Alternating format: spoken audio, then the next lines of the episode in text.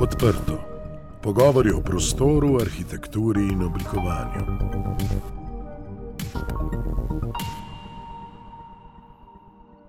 Pozdravljeni v podkastu Odprto. Z vami sem Lenka Kavčič. Čas in prostore, v katerih živimo, je poleg okoljskih in družbenih kriz nedvomno zelo močno zaznamovalo obdobje pandemije. Pandemija nas je kot celotno civilizacijo presenetila in nas zalotila popolnoma nepripravljene, kako se z njo spoprijeti. Po dve letni izkušnji z njo smo ob prihajajoči zimski sezoni lahko nekoliko bolj optimistični. Vsekakor pa ne moremo mimo vrste odprtih spoznanj in vprašanj, ki jih je pandemija sprožila v družbi, med ljudmi, v prostoru. V času pandemije je bil prav prostor, prostor izolacije tisti, ki je lahko služil kot najučinkovitejše orožje v boju zoper bolezen. Prostor okoli nas se zdaj posledično spreminja, tako javni, poslovni, kot tudi prostor naših zasebnih stanovanj in hiš. Vrednote kot so varnost, zagotavljanje zdravja in dobrega počutja stopajo v ospredje tako na področju urbanističnega načrtovanja, arhitekture javnih stavb, naprimer šol in vrtcev, kot v najbolj zasebnih prostorih naših stanovanj. Parametri zdravega bivanja so danes že zelo dobro raziskani, merjeni in ocenjeni. Že sedmo leto zapored, od leta 2015, je na voljo tudi barometer zdravih domov, Healthy Home Barometer. To je serija vseevropskih poročil, namenjenih raziskovanju povezave med bivalnimi pogoji in zdravjem. Skupina Velux je prvo izdajo raziskave objavila leta 2015, torej je pred nami letos že sedma izdaja. Ta poročila so sveža zbirka dejstev, raziskav in spoznanj. Letošnjo raziskavo je izvajala neprofitna organizacija za politične raziskave Rand Europe. Dodana pa so še nekatera druga dognanja. V studiu gostim arhitektko Nežo Močnik, ki se v podjetju Velux ukvarja s kakovostjo bivanja v notranjih prostorih, kar se v pretežni meri navezuje na osvetlitve prostorov z dnevno svetlobo in kakovostjo zraka. Podjetje Velux je proizvajalec strešnih oken in senčil in zase pravi, da je že več kot 75 let ustvarja boljša bivalna okolja za ljudi po vsem svetu. Mi dve z Nežo Močnik se bova pogovarjali prav o tem, o boljših prostorih in vplivu grajenega prostora na naše počutje. Neža, dobrodošla. Dobrodošla, Linka. Za začetek te bom vprašala, kako se počutiš doma, kako se počutiš na delovnem mestu. Tvoje vprašanje bi mogoče malo obrnila, oziroma odgovor na vprašanje podala malo drugače. Prej bi izpostavila, kaj pomeni meni uh, kakovostno bivanje in kateri so tisti uh, kriteriji oziroma parametri, ki vplivajo na to, da se dobro počutim. Ker doma smo izpostavljeni določenim stvarem, morda so bolj pomembne je bolj pomembna vloga okn, bolj pomemben razgled, pomembne so druge stvari kot na delovnih mestih, uh, kjer smo pretež večino časa zatopljeni v delo za računalnikom, vsaj jaz. Um, tako da za me je predvsem pomembno, da je dom svetu, da je prijetno osončen, da manj posije sonce, da imam um, stik z naravo, se pravi, da pogled zbeži. Uh, v zeleni okoliško, če je možno, da se prostora zunanji in notranji prostor, se pravi, da se povežeta, da dobro spim, kar pomeni, da lahko zatemnim okna, da si ustvarim temo. Sama sem po naravi nagnjena uh, bolj k nižjim temperaturam, se pravi, da imam rada spalnico, ker je temperatura po noči nižja. Tako da je ta temperatura čez dan in po noči, tekom noči, tudi različna.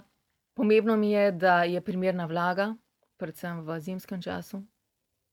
Vemo, da to vpliva na suhe oči, na probleme s kožo. Uh, pomembno je, da ni hrupa, predvsem po noči. Čez dan se ta motnja morda malo razgubi v vseh uh, naglicah življenja, Tako, no, tako malo drugače je morda odgovor, ampak uh, delovno mesto so pa tudi drugi uh, kriteriji. Morda um, trenutno za me zelo pomemben je pravilni upad svetlobe na delovno mesto. tudi to, da niso moteče sončne zaplate na delovni površini, in pa da lahko sproščaš pogled v daljavo, ko so oči utrujene od dela za računalnikom.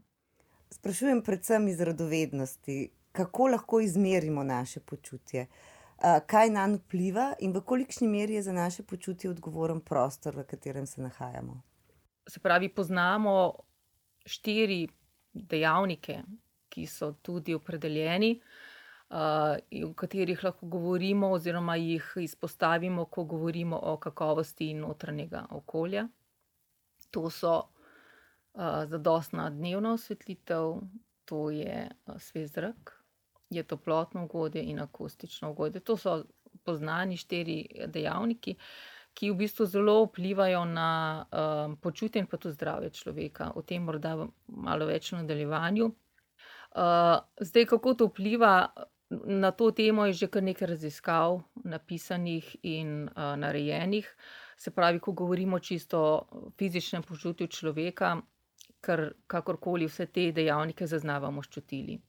Je pa v zadnjem času so pa tudi v ospredje prihajajo raziskave, ki pa kažejo, da lahko ta notranja klima vpliva tudi na psihološko počutje in pa dejansko prav na zadovoljstvo človeka z življenjem. In govorimo o tako imenovani analizi vrednotenja dobrega počutja ali po angleško well-being evaluation analysis, s katerimi dejansko lahko izmerimo tudi neko vrednost obnove stavb na bolj celosten način. In recimo tukaj evropski podatki kažejo, da ima pomanjkljivo ogrevanje recimo skoraj dvakrat večji vpliv na zaznano počutje in zadovoljstvo z življenjem kot recimo ločenost od partnerja. In drugi izsledek je, da recimo ljudje, ki živijo v stanovanjih, ki so kjer so izpostavljeni vsem štirim dejavnikom, se pravi, ali gre za pomanjkljivo osvetlitev, slab zrak, slabo toplotno okolje in tako naprej, obstaja petkrat večja verjetnost, da bodo tudi poročali o nezadovoljstvu. O tem poroča tudi Barometer zdravih stavb, najnovejša raziskava iz leta dva tisoč dvaindvajset, ki prav posebej izpostavlja slabo stanje v evropskih nepremičninah in nujnost trajnostne obnove, ki je pomembna za zdravje, za dobro počutje in za zmanjševanje vpliva na podnebje. v raziskavi je izpostavljeno, da približno vsak tretji prebivalec, je izpostavljen potencialno škodljivemu ozračju v zaprtih prostorih, to je sicer predvsem povezano z vlago, s pomanjkanjem dnevne svetlobe, prekomernega hrupa ali celo mraza. Kakšno je torej stanje stavb v Evropi? Ja, raziskava je zelo zanimiva, ker dejansko vse te dejavnike tveganja nekje raziskuje in jih tudi raziskuje tudi, kateri deli Evrope recimo so bolj podvrženi določenemu oziroma določenemu dejavniku tveganja. In recimo zanimivo je, da se hrup, problematika hrupa recimo pojavlja po celotni Evropi, se pa s tem problemom najbolj srečujejo v zahodnem delu v zahodnem delu Evrope. Potem vlaga je tudi en dejavnik, ki pesti ogromno domov, najbolj pa prizadene prebivalce južnega dela Evrope, kar je na neki način morda na prvi pogled zanimivo. Ampak po drugi strani čisto logično, se pravi, da govorimo na neki način o tem, da ljudje živijo v energijski revščini in z v času, ki je pred nami in v katerem se energenti močno dražijo, se verjetno bo ta situacija še drastično bolj poslabšala. In se bo ta procent ljudi zagotovo še povečal. zdaj, kaj je morda še zanimivo, je tudi to, da nekje več kot petnajst odstotkov Evropejcev živi v stanovanjih z neustreznimi razmerami stanovanjskimi in nekje petdeset odstotkov sploh nima zadostnih prihrankov, da vzdržuje svoj dom. Po tej raziskavi, ki vključuje približno zdaj sto triinšestdeset milijonov ljudi, to je, če nekako primerjam velikost populacije Nemčije, Španije, Velike Britanije, da si bomo lažje predstavljali, a ne, je to število izpostavljeno vsaj enemu temu škodljivemu dejavniku. Se pravi, ali gre za manjko svetlobe, ali gre za uh, problem vlage, povezano največkrat s slabim zrakom, problem uh, ogrevati, se pravi, toplotnega ugodja in pa hrupa. Raziskava barometra zdravih stavb se je tokrat dotaknila tudi uh, Slovenije, uh, pa me zanima, kakšno pa je stanje stavb v Sloveniji. Ja, to, kar si rekla, je na nek način uh, zelo uh, dobro, da, lahko, da imamo konkretne podatke tudi za Slovenijo. Ker ko smo uh, začeli z temi poročili v letu 2015, so se poročila nanašala na druge evropske države, ne tudi Slovenijo. Uh, v zadnjih letih pa, ja, odvisno glede na tematiko, ki jo obravnava in raziskuje to poročilo, se tudi pojavlja Slovenija in me veseli, da lahko spregovorimo o konkretnih številkah. Vsak tretji slovenec ima uh, problem z enim od teh dejavnikov. Če, imam, če sem bolj konkretna, približno 21 odstotkov slovencev živi tudi v stanovanjih, kjer je problematika vlaga. Se pravi, ali puščanje strehe, ali so um, tla vlažna, ali prihaja vlaga uh, iz stranskih sten, temeljev in tako naprej, problematika okn dotrajenih. Zdaj. Um, Tu je pomembno predvsem dejstvo, da ljudje, ki živijo v stanovanjih, kjer je povečana vlaga, je posledica nastanek plesni, plesen pa vpliva na pojav astme. To je tak začaran krok na nek način, oziroma uh, ja, potek stvari. In uh, ljudje, ki živijo v takih stanovanjih, imajo 40 odstotkov večjo verjetnost, da bodo zboleli za, za astmo. 15 odstotkov ljudi v Sloveniji je izpostavljeno tudi hrupu to, kar sem prej omenjala, da je hrup uh, eden od dejavnikov tveganja, uh, dejansko je kar na nek način to zelo visoka številka. Um, to je lahko hrup, ki prihaja, prihaja iz zunanjega prostora, lahko je pač hrup, uh, ki se prenaša med prostori. Um, zdaj, če sem prej govorila o relaciji uh, vlage in pa astme. Hrup vpliva tudi na to, da so ljudje podvrženi srčno-žilnim boleznim, uh, lahko prihaja tudi do bolezni prebavil, do paca imunskega uh, sistema. Potem, če nadaljujem s podbudnimi podatki, uh, recimo 8 odstotkov ljudi je tudi takih, ki, imajo, uh, ki se ne morejo ogrevati stanovanje zaradi izjemno nizkih dohodkov. Um, se pravi, vsak 12 slovenec. Ko rečemo 8 odstotkov, se morda malo drugače sliči, ko pa rečeš vsak 12 nam je pa ta, je ta primerjava morda, jo nekako bolj razumemo. Ne? Um, se pravi, kaj spet to vpliva? Um, ja, vsekakor od vsega naštetega, zagotovo vsaka stvar na, na počutje. In tudi toplotno ugodje, kot sem prej omenila, ima zelo izrazito vpliv na počutje. Potem pa morda najnižja številka uh, je v relaciji z uh, osvetlitvijo, se pravi z naravno svetlobo. Kjer nekje 4 uh, odstotke ljudi ugotavlja, da ima v stanovanju premalo dnevne svetlobe.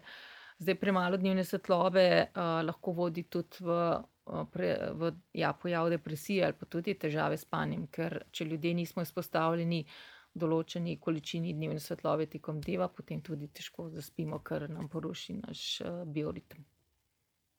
Eh, raziskava barometra zdravih stavb je torej izpostavila zelo uh, pomembne podatke o stanju naših domov. V razmerah preteklih dveh let, se pravi, tukaj imam v mislih obdobje pandemije, pa so se te razlike v, v zaznavanju in občutenju naših stanovanjskih prostorov uh, bolj izostrile in so sprožile zanimanje za obnovo, prenovo, nadgradnjo.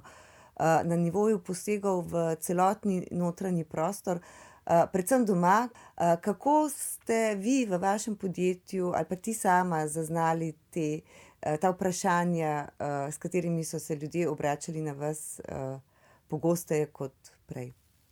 Zagotovo je to obdobje, ko smo bili doma in ko so se te začele te funkcije prepletati, um, nekako vsi ugotovili, uh, kje so pomankljivosti doma, predvsem smo se večina nas se soočala z potrebo po dodatni prostorski površini.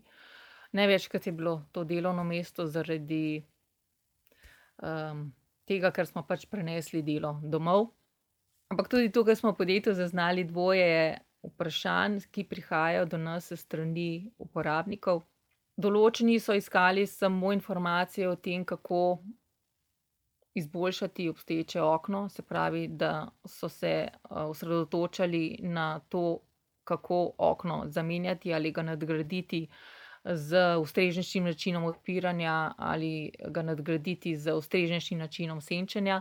Namreč tudi delo doma in ustrezna svetloba zahteva prilagoditve.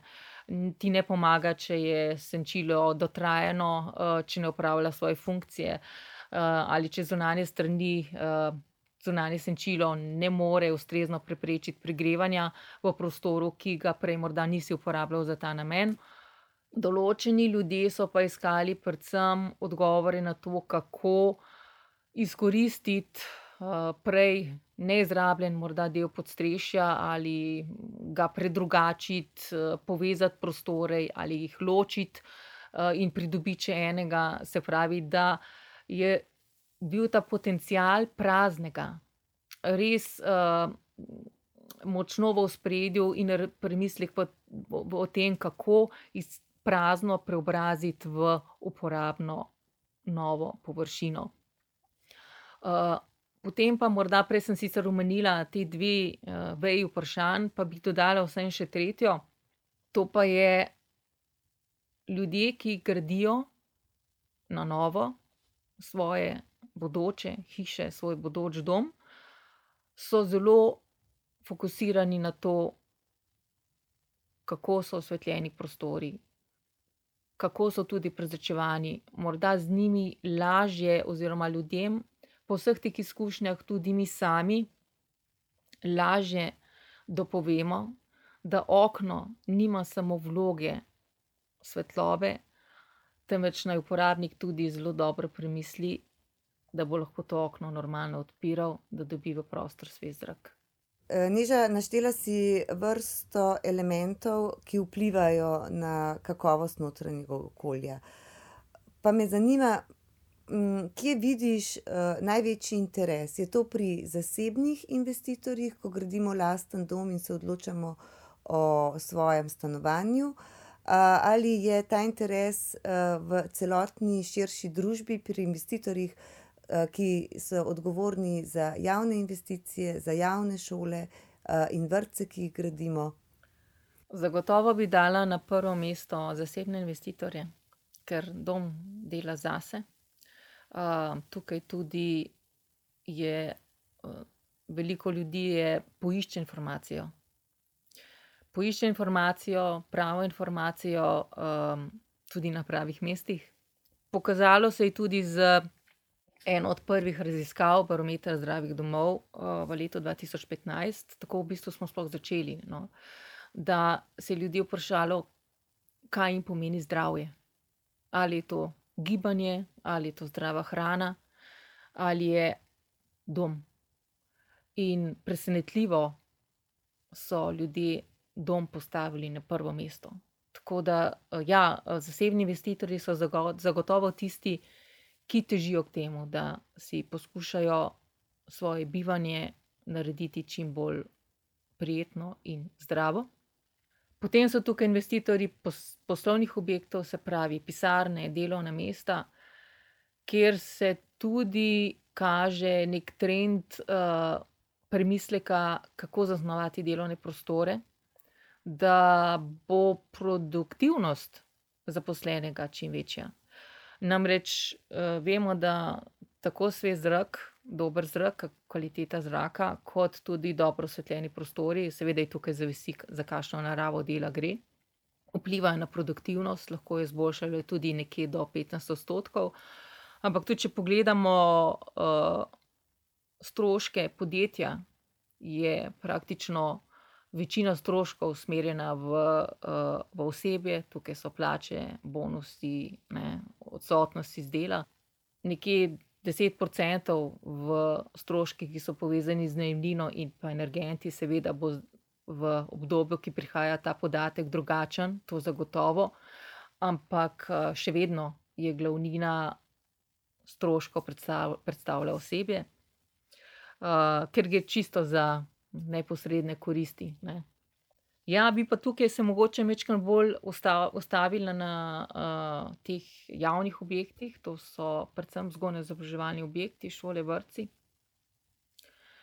kjer se predvsem uh, v obdobju prenov dosti krat srečujemo z pomankljivimi prenovami oziroma prenovami, ki so usmerjeni v zadovoljevanje določenih ciljev po prvi vrsti zagotovo uh, energetsk, energetsk, energetska obnova, ampak še vedno uh, bi tukaj morali biti cilji postavljeni širše. Pri šolah, vrtcih bi bilo nujno pri energetske prenove povezati z konkretnimi cilji, kaj želimo zagotoviti uporabniku na, konec, na koncu. Se pravi, če se prenavlja šola in če se izboljšuje toplotni ovoj in s tem tudi menjajo okna, da se zmanjšajo toplo, toplotne izgube, uh, zagotovo ne bi smeli sočasno se ogniti temu, da se nek, ne naredi prenova tudi v smislu izboljšave kakovosti zraka. Ker zadovoljimo eno plat in naredimo slabo za drugo. Se pravi, absolutno uh, reševanje kakovosti zraka bi moralo iti usporedno z izboljšanjem toplotnega ovoja stavbe, pa še marsikaj. Žal je tako, da so tudi v projektnih nalogah dosti krat pomankljivo zastavljeni cilji, kakšno nivo kakovosti notranjega okolja želimo doseči. Pa se da to opredeliti. Da se opredeli dnevno svetlobo, uh, že v fazi načrtovanja lahko preverimo, definiramo, preverimo obstoječe stanje in uh, vidimo, ali je nek prostor podhranjen uh, dnevne svetlobe z toplotno izolacijo. Bomo zagotovo ta nivo še poslabšali, ker se debelijo stene. Ne, tako da je morda tudi v premislek, no, jaz se sama zelo redko srečam s tem, da bi se sočasno s prenovo razmišljalo tudi, da bi se povečale okenske odprtine. Seveda pa to pri javnih investicijah zelo pomembno, uh, ker bi moralo to biti podprto zakonodajo, tehničnimi smernicami, normativi, uh, z nekimi merljivimi podatki, ki bi jih morala dokumentacija, uh, vsaj v fazi načrtovanja, doseči, da bi lahko zagotavljali kakovostno bivalno ugodje tudi izved v izvedeni stavbi. Skratka, zanima me, ali imamo v Sloveniji kje zapisano obvezo o teh standardih in parametrih, neke normative, uh, ki bi zagotavljali, da bodo ljudje v tej hiši, stavbi, šoli, vrtu, poslovni hiši dolgotrajneje, zdravi in dobrega počutja. Uf, kar težko vprašanje, ker se dotikamo na nek način uh, zakonodaje in z njo povezanim, povezanimi pravilniki in, in standardi. Ampak, uh, ja, zakonodaji je delno zapisano. Nekako bi rekla, da so vse te stvari razkropljene, malo tu, malo tam. Uh, zakonodaja in pa gradbeni zakon uh, jasno naslavlja eno od bistvenih zahtev uh, stavbe, to je tudi uh, higijenska zdravstvena zaščita, kjer recimo je omenjena kakovostna ali naravna osvetlitev, ki pomeni, ki je za človeka zdrava. Ampak zdaj, če poskušamo to malo bolj razdeliti. In ko govorimo o tem, kako potem iz tega ven potegniti zahteve, se soočamo s tem, da imamo potem, recimo, tudi njeno svetlobo zelo slabo regulirano, ker dejansko pridemo samo na uh, regulativo, ki se tiče velikosti okenskih površin. To pa glede zdravja spet ne pove veliko. Ne. Jaz menim, da ko gre za zasebno investicijo, da uh, so interesi, in tukaj ni nujno, da se vedno opiramo na regulativo, ker regulativa kakorkoli podaja minimalna priporočila. In če dela zase, se verjetno z minimalnimi zahtevami ne boš spoprijateljil. drugo so pa uh, javna naročila, tukaj pa verjetno problematika pa povezana z uh, regulativo, ker uh, ne samo, da dosti krat uh, potem se spoštuje minimum in je to postane maksimum. Uh, dosti krat se tudi išče manjko, ne, se pravi, zakaj delati ali pa stremeti k neki kakovosti, če ta kakovost nikjer ni zapisana.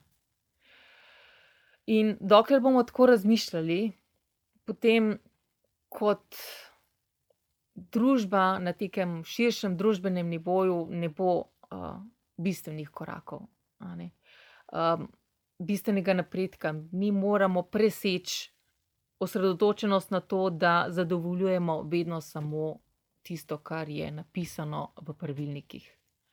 Seveda je to povezano s financami. Uh, vsekakor, če imaš na voljo neko kvoto financ, je dilema, kako jo razporediti.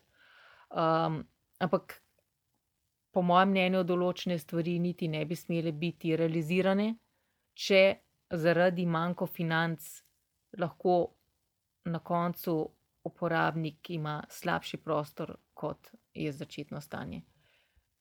Tukaj mislim, da bi morali kot družba se zauzemati, predvsem pri uh, javnih investicijah, da delamo čim bolj zorno, kakovostno, in da s tem tudi vzgajamo in dajemo neposredno izkušnjo našim uporabnikom. Hvala, Neža Močnik. Upam, da ste nas slišali in zahvaljujem se ti za pogovor. Hvala, Linka, za povabilo in hvala tudi tebi za vsa vprašanja. Poslušali ste podcast Odprto, prvi slovenski podcast o arhitekturi, ki ga je pripravila ekipa OHS. Za akustično ugodje je skrbel studio Sonolab. Odprte hiše Slovenije se zauzemajo za dobro arhitekturo, ki je namenjena vsem ljudem. Prisluhnite nam vsakič, ko boste v prostoru želeli izvedeti več. Da smo lahko odprto spregovorili o prostoru, nam je svojo podporo omogočilo Ministrstvo za okolje in prostor.